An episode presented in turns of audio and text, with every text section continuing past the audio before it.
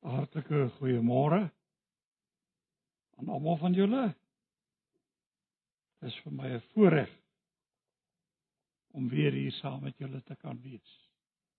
Dankie vir die verwelkoming. En nou kan ek vanmôre met 'n skoon gewete sê voel baie tuis hier saam met julle. Voel deel van hierdie gemeente. En ek bid gereeld vir hierdie gemeente. En uh vertrou dat die Here ook vir julle sal vashou en sal dra en sal versterk en bemoedig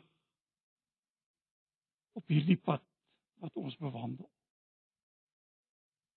Dit sy seën op julle af.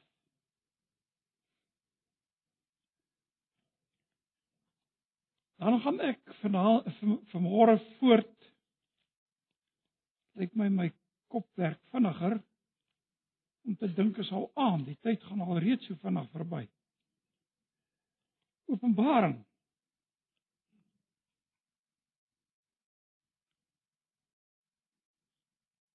En ek het die vorige geleenthede, dis nou so met uh tye tussenin het ek oor Openbaring gepraat. Hoofstuk 21 het ons die hele hoofstuk saam deurgewerk. Uh oor 'n verloop van uh, ek weet nou nie hoeveel maande nie, maar die kere wat ek hier by julle was. En nou wil ek uh aangaan omdat dit gedeel 'n gedeelte is wat my geweldig aangegryp het die afgelope tyd en uh vir my persoonlik ontsaglik baie beteken het. En ek vertrou dat dit vir julle ook van betekenis sal wees en dat die Here sy woord sal gebruik en dat hy ons deur sy gees en deur sy woord sal aangryp met opgewondenheid 'n nuwe visie en met 'n oog op die wonder ook van nou tydens ons aardse bestaan en 'n vooruitsig na die volmaaktheid wat gaan kom. Nou voordat ek gaan lees, ek gaan met u deel Openbaring 22 en daarvan die eerste 5 verse wat ek dan ook gaan voorlees, maar voordat ek dit uh, voorlees, kom ons buig ons hoofde in gebed. Here, ons dank U vir U woord. Ons dankie dat u woord waar is. En dat u self daaroor gewaak het deur al die eeue heen.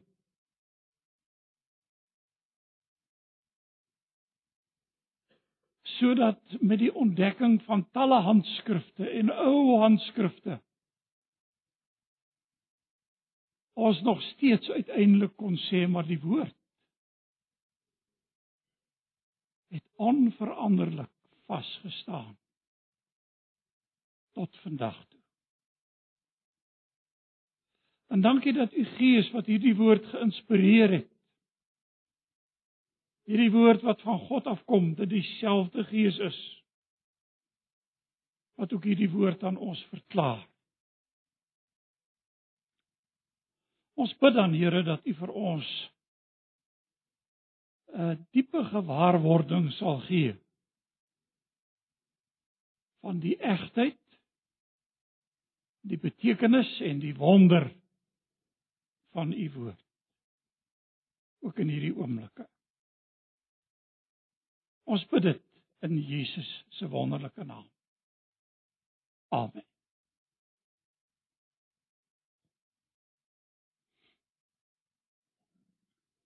Openbaring 22. Nou eintlik vorm hoofstuk 21 en 22 soort van 'n geheel. Ons staan staan vandag stil by Openbaring 22. Ek gaan voorlees vanaf vers 1. Toe het die engel my die rivier met die water van die lewe gewys. Dit is helder soos kristal en dit stroom uit die troon van God en van die Lam uit. Tussen die hoofstraat van die stad aan die een kant en die rivier aan die ander kant staan die boom van die lewe. Hy dra 12 keer 'n jaar vrugte. Elke maand lewer hy sy vrugte. Die blare van die boom bring genesing vir die nasies. Daar sal niks meer wees wat deur God vervloek is nie kan ook vertaal en sê geen vloek meer wees nie.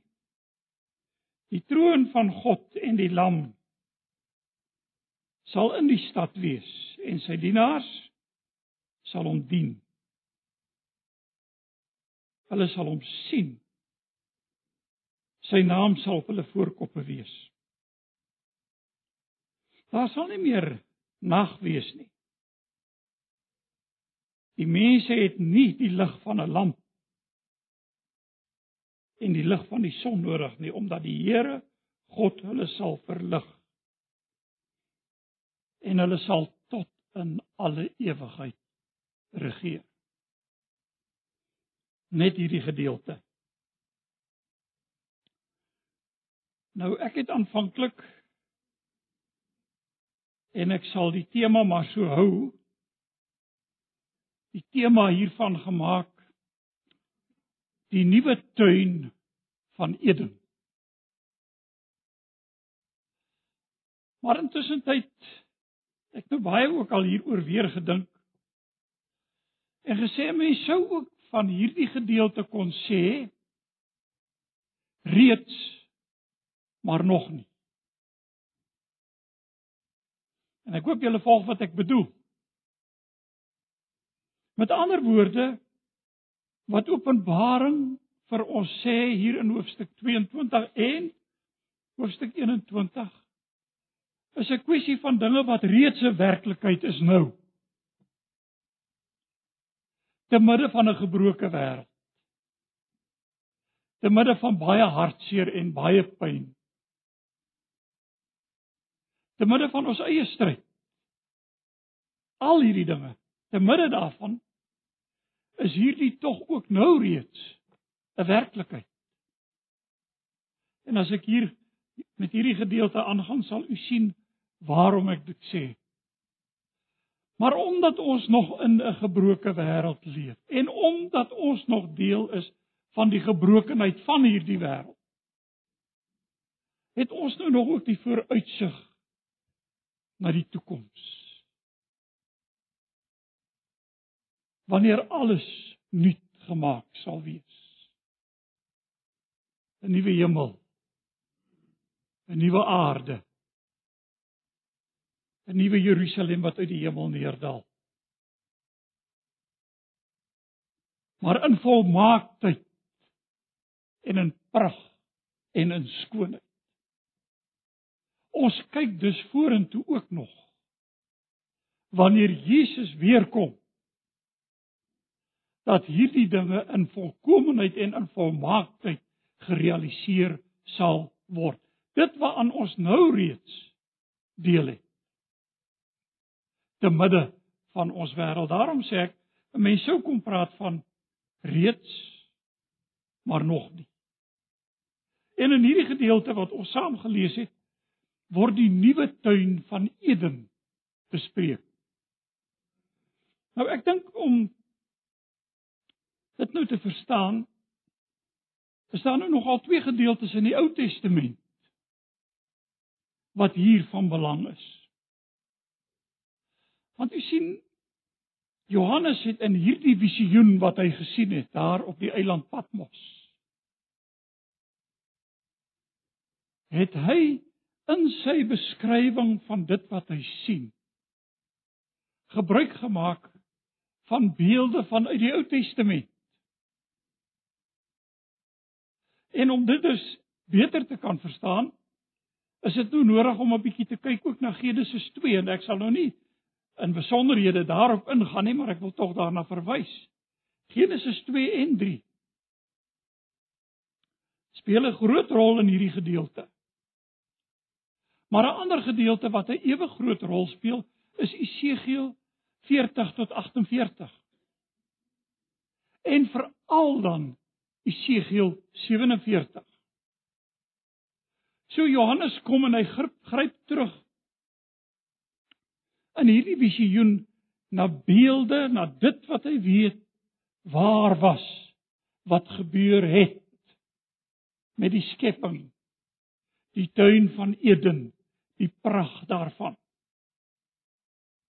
En Esegiel in sy visioen kry 'n beeld ook van 'n rivier wat uit die troon uit uit die tempel uitvloei tot genesing. Praat ook van bome in Esegiel. En al hierdie dinge vind ons terug hier in Openbaring hoofstuk 2. Hoofstuk 22.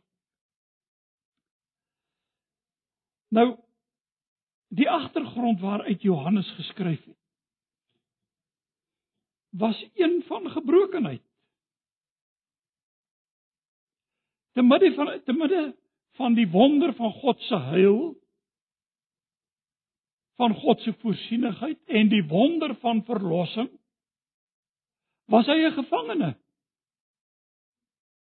Hy vind hom in eensaamheid op die eiland Patmos.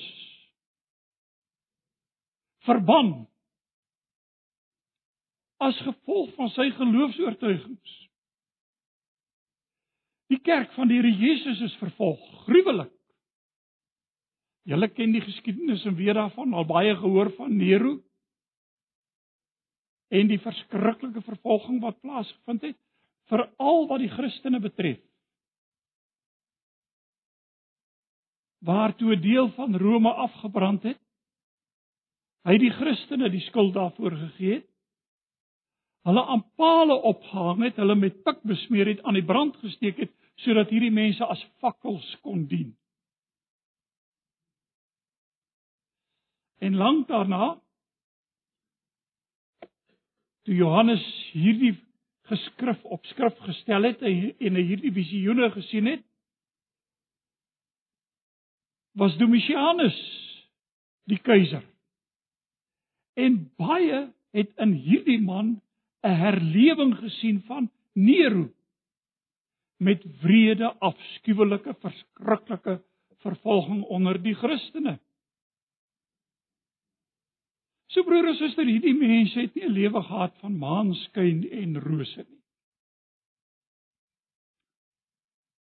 En as ek nou dink aan gister se saamtrek en die gebed, dan bid ons die Here vir uitkoms. Maar weet jy wat? Die kerk in daai tyd het nie 'n wonderlike regering gehad nie, laat ek dit nou maar vir julle sê. Hulle het nie 'n wonderlike lewe gehad nie.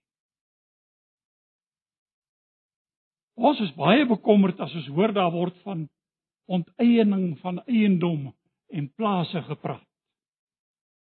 Dit was aan die orde van die dag.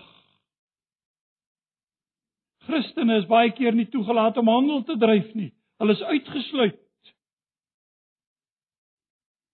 Hulle besittings is hulle baie keer ontneem.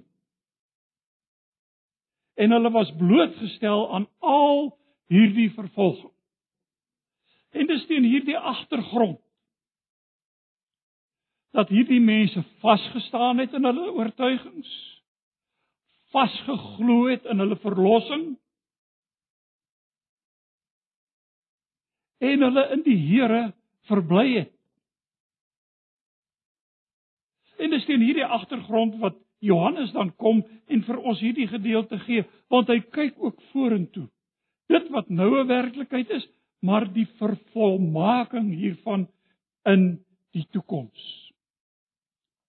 Daarom het ons en ek wil net daarna verwys. En dit het ek nou met julle behandel, maar almal was nou nie hier nie en ek gaan nou nie die ou preke oorpreek nie. Ek gaan maar net daarna verwys. In Openbaring 21 het ons gelees waar Johannes sê toe het ek 'n nuwe hemel en 'n nuwe aarde gesien. Want sê hy, die eerste hemel en die eerste aarde het verbygegaan. So hy sien 'n nuwe hemel, hy sien 'n nuwe aarde. Hy sê die see was daar nie meer nie. Met ander woorde die onstuimigheid, die sonde wat 'n simbool hiervan was. En dan sê hy ook en hy die nuwe Jerusalem, die heilige stad van God af uit die hemel sien neerdal. En dan hier vanaf vers 9 verduidelik hy die skoonheid van hierdie stad. Nou hierdie stad simboliseer twee sake vir ons. Een, 'n plek. Maar twee, en dis die belangrikste. En daarvan is ek en jy nou reeds deel. Want die Jerusalem waarvan hy praat is die gemeente van die Here, die gelowiges, die kinders van God. En lees Openbaring. Dan sien ons 'n skare Die leier van die sanggroep het net nou gesê hy was verstom oor die skare van gister. En as ek Openbaring lees, dan lyk dit vir my dis so 'n druppeltjie aan die emmer van die skare wat daar eendag sal wees voor God en voor sy troon. En dis waaroor hierdie gedeelte gaan. Want hierdie Jerusalem word vir ons in sy skoonheid, in sy prag en praal met allerlei edelstene beskryf, volmaak. Gaan kyk na die afmetings daar. Daaroor het ek gepreek. Volmaak in skoonheid, volmaak in getal, al die uitverkorenes van God, hulle wat aan hom behoort deur Jesus Christus, volmaak, hulle is daar. En ons is nou reeds deel daarvan nie net eendag nie. Soos wat ons vanmôre hier by mekaar sit met ons skete en ons pyne. En kan ek nou nie van skete en pyne praat nog al die afgelope jaar wat verby is en pyne nie. En die Here het onderneem. Voel so goed, so gesond soos wat ek lanklaas gevoel het. En daarvoor is ek dankbaar. Maar ek leef en jy leef nog in hierdie gebroke wêreld. Hierdie gemeente het die afgelope tyd deur diep waters gegaan. En gister kinders uit hierdie gemeente gaan begrawe. Ons is nog deel van hierdie gebrokenheid. Maar hierdie is nie die einde van alles nie, want die skoonheid van die kerk van die Here Jesus word hier vanaf Openbaring 21 vers 9 tot aan die einde van die hoofstuk in terme beskryf wat ons onsself nie kan indink hoe dit lyk nie. En dit is soos Christus se bruid vir die bruidegom lyk. Kan jy jouself dit indink? Dis ondenkbaar. Daar's net een rede daarvoor. En dis omdat sy bruid gekleed is met die geregtigheid en met die heiligheid van die Here Jesus self. Daarin is die skoonheid van die bruid ingeleë. Dis die versiering van die parels waarvan ons lees in hoofstuk 21. En nou In hierdie gedeelte word hier vir ons die nuwe tuin van Eden beskryf wat die engel van die Here aan Johannes toon. Wat hy hier sien is 'n nuwe tuin. En ons kan hierdie opskrif gee. Eerste wat hy in hierdie nuwe tuin raak sien, is dit lees saam met my vers 1. Toe het die engel my die rivier met die water van die lewe gewys. Nou laat jou gedagtes teruggaan. Wat lees ons in Genesis 2? In die tuin was daar 'n rivier. Wat in vier strome verdeel het om die tuin te bevrug. Water is lewe. Nie waar? En ons hoor dit nou in hierdie tyd waarin ons leef nogal baie veral met die groen beweging en alles wat aan die gang is. Water is lewe. En nou kom Johannes in hierdie gedeelte. Hy sê aan hom is getoon 'n rivier met die water van die lewe. Helder soos kristal en luister dan hier en dit stroom uit die troon van God en van die lam uit. Wat beteken dit? Johannes vestig hier ons oë op die heil wat van God en God alleen afkondig af afkomstig is. Want hierdie water wat lewe gee, het jy en ek nou reeds deel aan nie waar nie? Ons lees van hierdie water in Esegiel. En kom ons kyk vinnig daarna. Esegiel hoofstuk 47.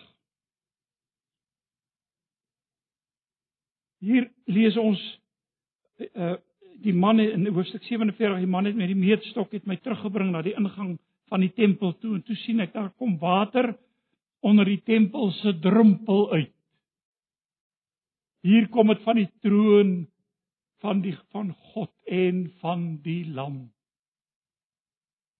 God werk die heil en hier sê hy uh, het die water gesien dit het uitgekom aan die ooste kant tempel het oos gekyk Water het regs van die tempel weggeloop suid by die van die altaar en so gaan hy aan en hy verduidelik vir ons hoe die water gegaan het. En eers was dit enkel diep en later aan knie diep en later tot aan die heupe en later was dit waters waaraan hy moet swem. En wat het die waters gedoen? Afgevloei na die dooie see, onthou julle? En wat het Isegiel in hierdie visioen gesien? Dat die see word lewend, die bome aan die oewers lewend, die water gee lewe. Isegiel het voorwaar in dit wat God aan hom geopenbaar het, ver vooruit gekyk. Hy het die Messias gesien wat sou kom. Want Jesus het gesê aan die Samaritaanse vrou: Die water wat ek jou sal gee, daarvan sal jy nooit weer dors word nie. Jesus het gekom om aan ons die water van die lewe te gee, die water wat jy en ek by ons redding gedrink het, die water wat aan ons gegee is wat van die troon van God afkom, die heil wat van God en God alleen afkom.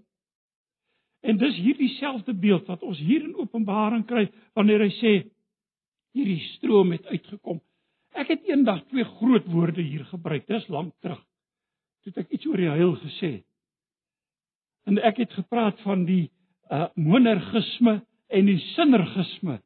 En die betekenis daarvan is eintlik baie eenvoudig. Daar was 'n stryd in die teologie, die wat sê die heil kom van God en God alleen en die wat sê ons moet saamwerk aan hierdie kant.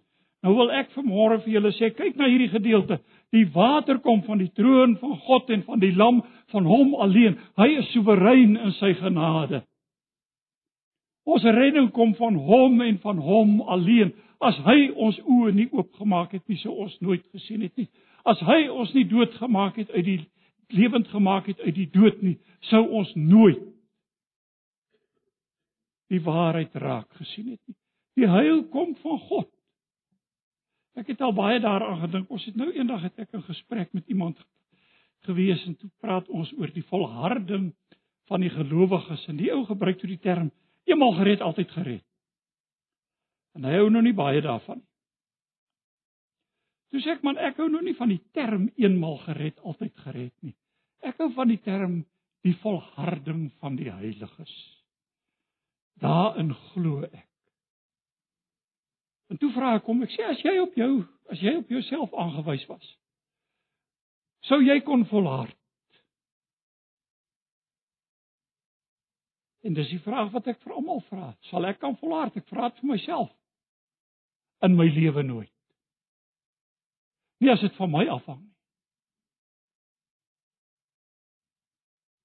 Maar ek glo dat die heil kom van God af.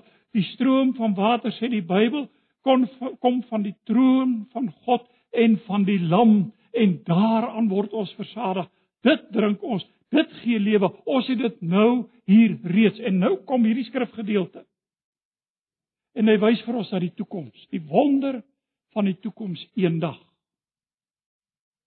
Wanneer ons vir ewig in volmaaktheid saam met hom sal wees en daar sien ons hier kom die stroom water uit. God se soewereine wa, uh, genade en dis helder sê die Bybel soos kristal.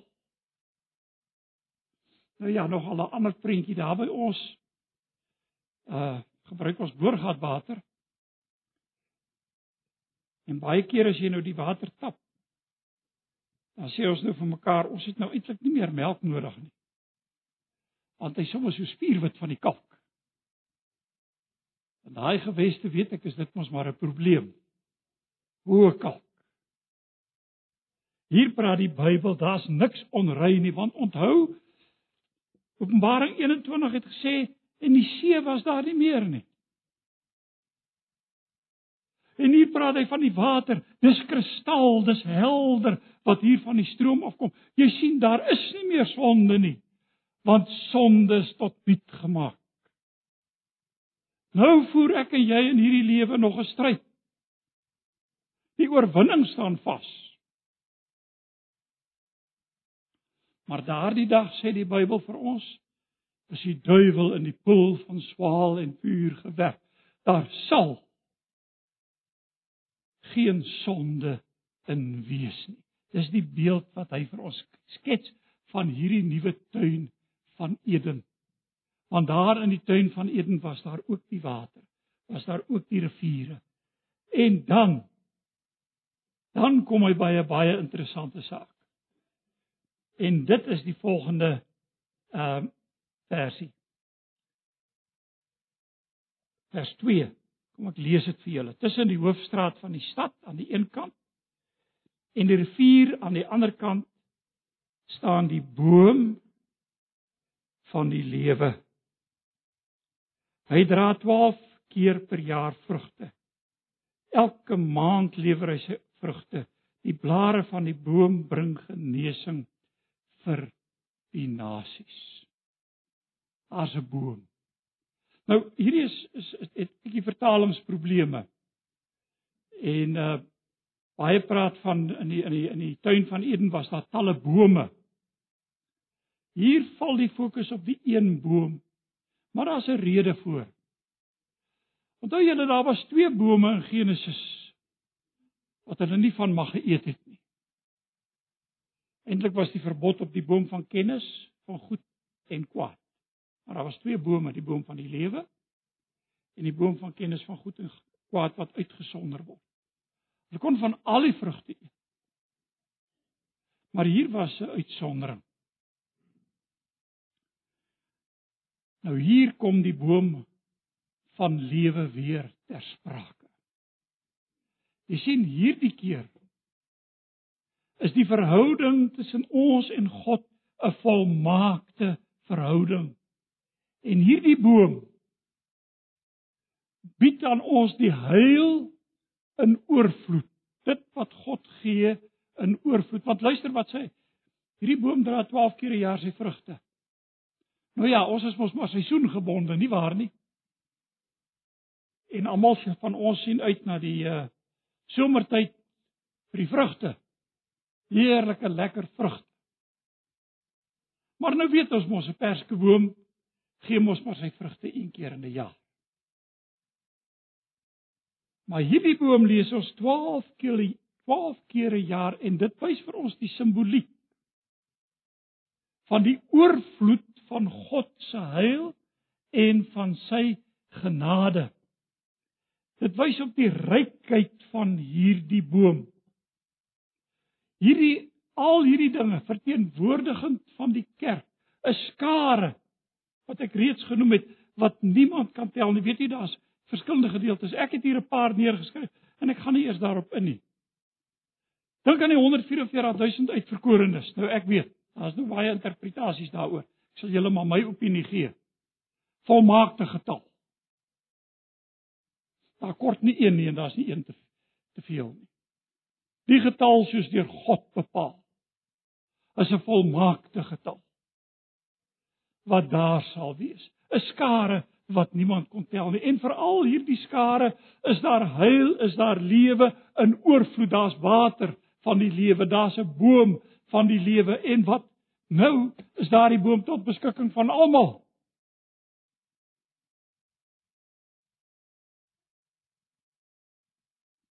Met die skepping. Na die sondeval het God gesê dat hulle toe nou tog net nie van die boom van die lewe die vrugte vat en eet nie. En hulle is uitgedryf uit die tuin uit na buite. En nou is ek en jy en die gelowige in hierdie bedeling wat kom binne in die tuin en ons deel nou reeds aan die vrugte daarvan. Dis nie net een dag nie. Dis nou reeds 'n realiteit. Dis nou reeds 'n werklikheid, maar eendag sal dit volmaak wees. Daar geen sonde wees nie, daar geen siekte wees nie. Wat sê hy? Die blare is tot genesing vir die nasies. Natuurlik die wat in die nuwe tuin is, is reeds genees. Maar dit wy vir ons op die omvang, die grootheid van God se heil. Daar sal daar eendag, kom ek lees dit, nie meer siekte wees nie. Luister wat sê hy. Hy sal al die trane van hulle oë afdroog. Die dood sal daar nie meer wees nie. Ook leed en smart en pyn sal daar nie meer wees nie. Die dinge van vroeër, die eerste dinge het verbygegaan. En hierdie blare van hierdie boom, hierdie boom gee sy vrugte 12 keer 'n jaar. Die volmaaktheid ook van dit wat wag. Wanneer Jesus weer kom. En weet jy Openbaring 22 hier vanaf vers 6. Die hele gedeelte gaan oor die spoedige wederkoms van die Here Jesus. En jy en ek het al so baie vasgekyk teen die omstandighede rondom ons en ons staar ons so blind teenoor die omstandighede rondom ons dat ons vergeet om vorentoe te kyk, om op te kyk om te weet daar's 'n nuwe toekoms wat wag. 'n Toekoms van oorvloed. En hierdie oorvloed gaan oor die heil van God. Want gaan hierdie gedeelte aan hy sê in vers 3 daar sal ook geen vloek meer wees nie. Nou hier het ek iets baie interessants opgetel. Die nuwe vertaling sê daar sal niks meer wees wat deur God vervloek is nie. Niks meer wees wat deur God vervloek is nie. Kom ons gaan terug na Genesis toe. Wat gebeur? Die mens laat hom verlei, nie waar nie? En Eva neem van die vrug, sy gee vir Adam. En die mens stort in sonde.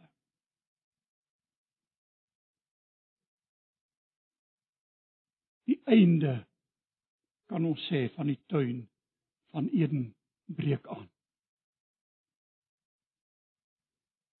Want wat doen God? Hy vervloek die slang, onthou julle. Gaan lees dit maar gerus weer. Hy vervloek die grond. En hy sê vir Adam van nou af sal jy in die sweet van jou aangesig brood verdien. Daar sal dorings en distels wees. Want die hele skepping sê die apostel Paulus is aan die nietigheid onderworpe. Nie gewilliglik nie. Maar ter wille van hom wat dit onderwerp het in die hoop dat die hele skepping self vrygemaak sal word van hierdie verganklikheid.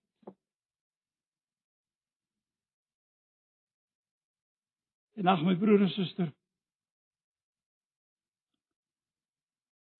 Ons staar ons baie keer so blind teen die verganklikheid rondom ons. Maar die apostel Paulus sê op 'n ander geleentheid al vergaan die uiterlike ook. Nogtans word die innerlike dag na dag vernuwe. En daar is ons hoop. Dis ons hoop wat die Bybel vir ons gee. Nou sê hierdie gedeelte, daar sal geen vloek meer wees nie. Nou wil ek terugkom vir 'n oomblik want weet jy hierdie het ek nou nie raak gesien nie. Toe lees ek nou 'n kommentaar wat dalk vir sommige van julle bekend is. Ek het 'n hele paar wat oor Openbaring handel, maar toe kyk ek weer na William Hendricks. More than conquerors. Miskien ken van julle die werk. En daarin het hy iets opgetel wat ek nou nooit raak gesien het nie. En dit is die woordjie Kyk, hier word gepraat van daar sal geen vloek meer wees nie net na die boom. En hy maak toe gebruik en hy sê maar die wat is die woord wat gebruik word vir boom? En hy verwys toe terug na Galasiërs. Hoop ek kan dit vinnig raak vat. Galasiërs ehm um, hoofstuk 3 Galasiërs hoofstuk 3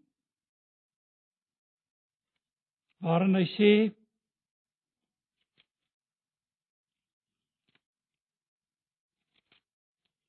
Hoe sê ek dan nou so verdwaal in my eie Bybel?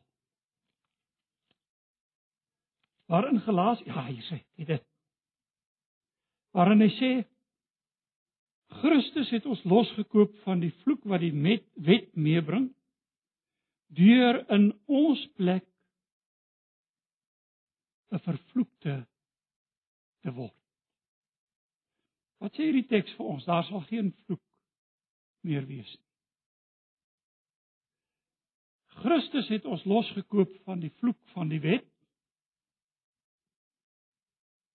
deur self 'n vervloekte te word. En luister wat sê hierdie teks verder.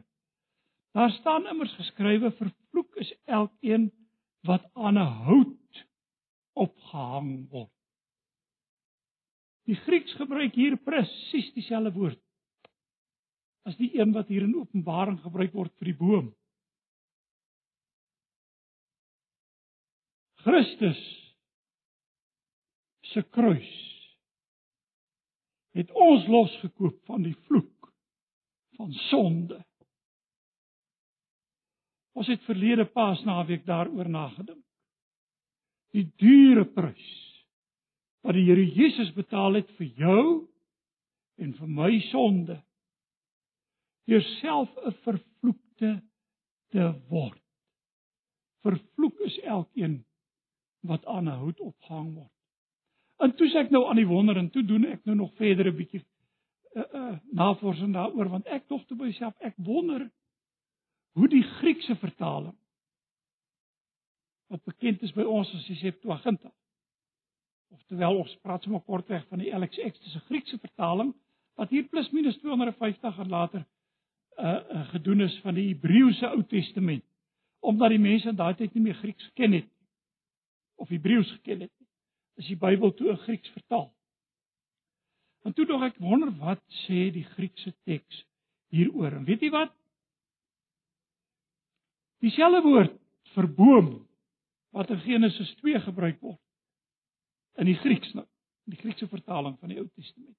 Is presies dieselfde woord wat hier gebruik word vir boom. Meer nog, jy kan ook blaai na Deuteronomium en dit wil ek vir julle lees. Selfde woord wat die LXX gebruik het in sy vertaling van die Ou Testament. Wanneer iemand tereggestel word Dis Deuteronomium 21 hier vanaf vers 22. Wanneer iemand tereggestel word vir 'n oortreding wat die doodstraf verdien en jy hang hom aan 'n paal op, hy woord vir paal hout. Is dieselfde woord wat in Galasiërs gebruik word? Is dieselfde woord wat in Openbaring gebruik word? Goed, ek weet ek verwys nou terug na die vertaling van die uh, van die Ou Testament in Grieks. Hy sê sy lijk mag nie daaraan bly hang nie. Jy moet hom dieselfde dag nog begrawe want wie opgehang word en dis nou op hierdie manier met ander woorde wie aan 'n hout hang. Wat sê die teks hier? Is deur God vervloek. En Jesus kom. En hy gee sy lewe aan die kruis. En die vloek vir my en vir jou sonde dra Jesus aan die kruis. Hy het dit gedoen, klaar reeds afgehandel. Is julle met my? Nou kyk ons vorentoe. En wat sien ons in die tuin van Eden, die boom van die lewe? En daar sal geen vloek meer wees nie. Daar kan geen vervloeking meer wees nie. In volmaakte gemeenskap met God en ons kom nou weer daarby uit. Dis die vooruitsig wat hierdie gedeelte vir ons gee. En dan laastens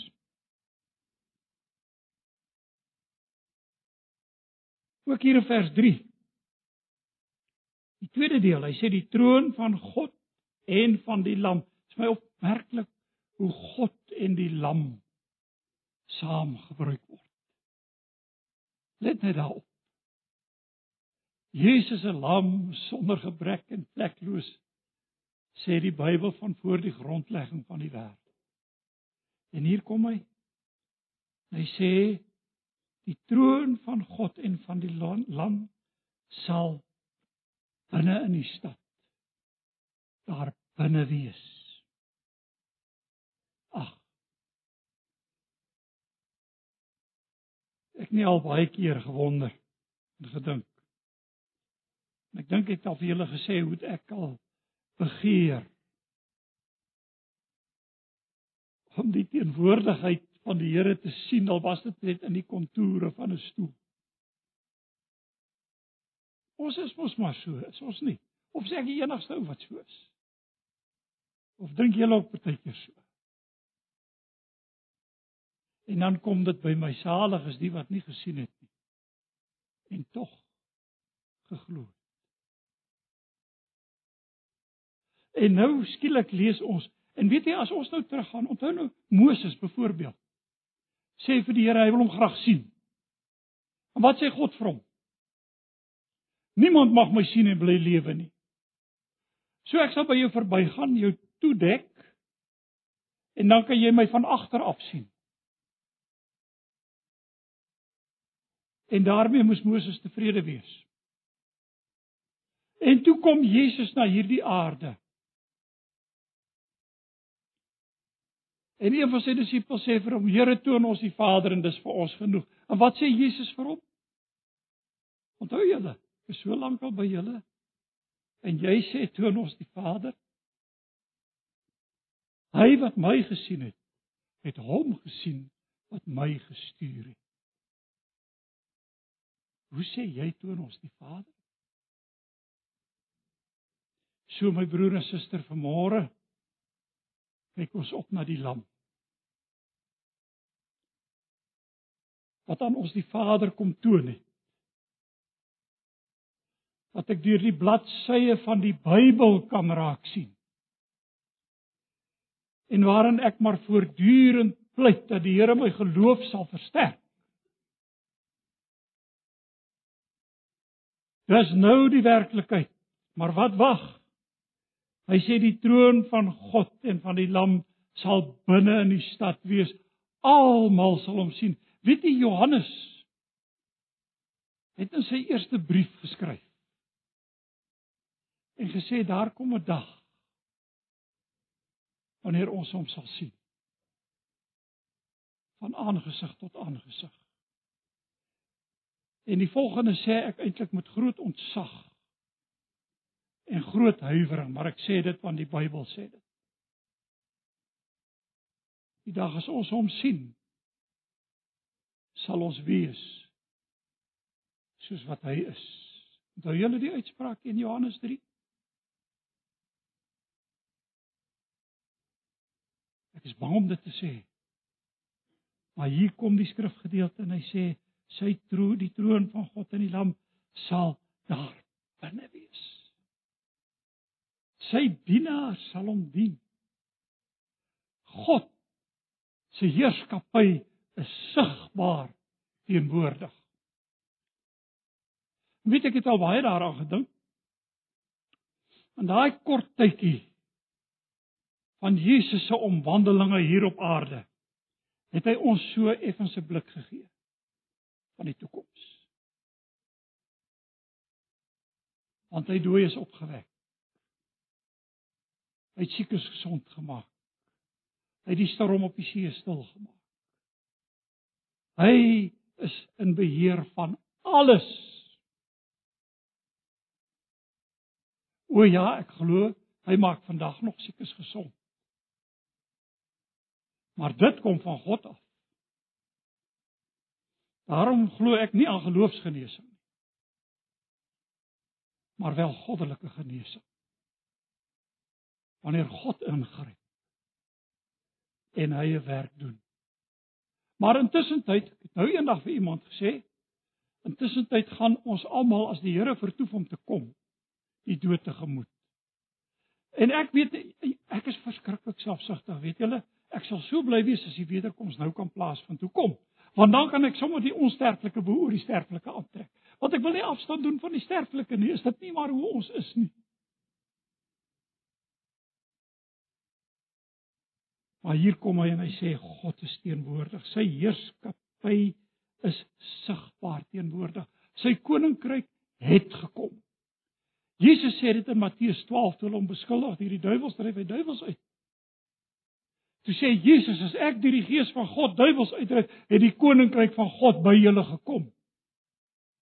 Maar terselfdertyd leer hy ons om te bid. Laat u koninkryk kom. Onthou jy wat het ek gesê reeds nog nie? Want ons het ook hierdie vooruitsig van die heerskappy, die sigbare heerskappy van God, waarin hy sê sy mense sal hom dien, sy dienaars sal hom dien lofprysinge, jubel. En dan sal ek hopelik weer kan sing. Sy dienaars sal hom dien. Sy naam sal op hulle voorkoppe wees. Hulle hoort aan my. Dis nou reeds 'n werklikheid. Want weet jy apostel Paulus sê in Efesiërs hoofstuk 1, ons is verseël met die Heilige Gees van die belofte. So met ander woorde ons is reeds gewaarmerk. God het reeds die stempel op ons geplaas, maar daar kom 'n dag wanneer sy naam sigbaar hier op my voorkop sal wees. Dis beeldspraak wat Johannes hier gebruik. Hy sê hy sy naam sal op hulle voorkoppe wees. Met ander woorde, daar sal ons almal saam wees. Daar sê hy, en dis nou die tweede keer wat hierdie ding ter sprake kom, sal nie meer nag wees nie. Kyk, ons is mos maar skrikkerig. Ek weet nie van julle nie. Ek is nou nie baie bang in die nag nie. Maar weet jy wanneer word kinders siek? Ja, mooi dan gedink in die nag. Gewoonlik as ek en jy siek is, wanneer voel ons die slegste? In die nag. Nou sê die Bybel vir ons, daar sal nie meer nag wees nie. Die mens het nie die lig van 'n lamp van die son nodig nie, want die Here God self sal hulle verlig. Daar was 'n ou lied wat ons gesing het baie baie jare terug en ek dink nie hy's by julle bekend nie. Maar by sommige van ons uh ou garde nou was hy tog bekend met woning so heerlik. Uitstekend begeerlik. Met blinkende strate van goud. Daar word ons nooit moeg nie. Geen hart wat daar sloeg nie en niemand word daar ooit meer oud. O daar is die Godstad. Die heerlike Godstad. En dan sê hy in een van die versies en God self is die lig wat daar skyn. So broer en suster. Jesus het gesê hy is die lig van die wêreld. Maar daar kom die dag wanneer daar nie meer nag sal wees nie. En wanneer God self die lig sal wees wat daar skyn. So herstel God alles. Sy hande werk wat hy nooit laat vaar. Hy maak alles nuut. 'n Nuwe hemel, hy sien 'n nuwe hemel, sien 'n nuwe aarde. sien die Jerusalem, die kerk van die Here. En ek en jy is nou reeds deel daarvan. Maar daar is in ons woordeskat reeds maar nog. En ons kyk uit vir daardie dag. Amen. Kom ons buig ons hoofde vir 'n oomblik in gebed. Here, ons dankie vir hierdie tyd hier so saam. En dankie vir die wonder van u woord. Vir hierdie wonderlike belofte. vir hierdie vooruitsig. Help vir ons om blymoedig te wees. Om uit te kyk na daardie dag wanneer Jesus weer kom. Ons bid dit in U naam. Amen.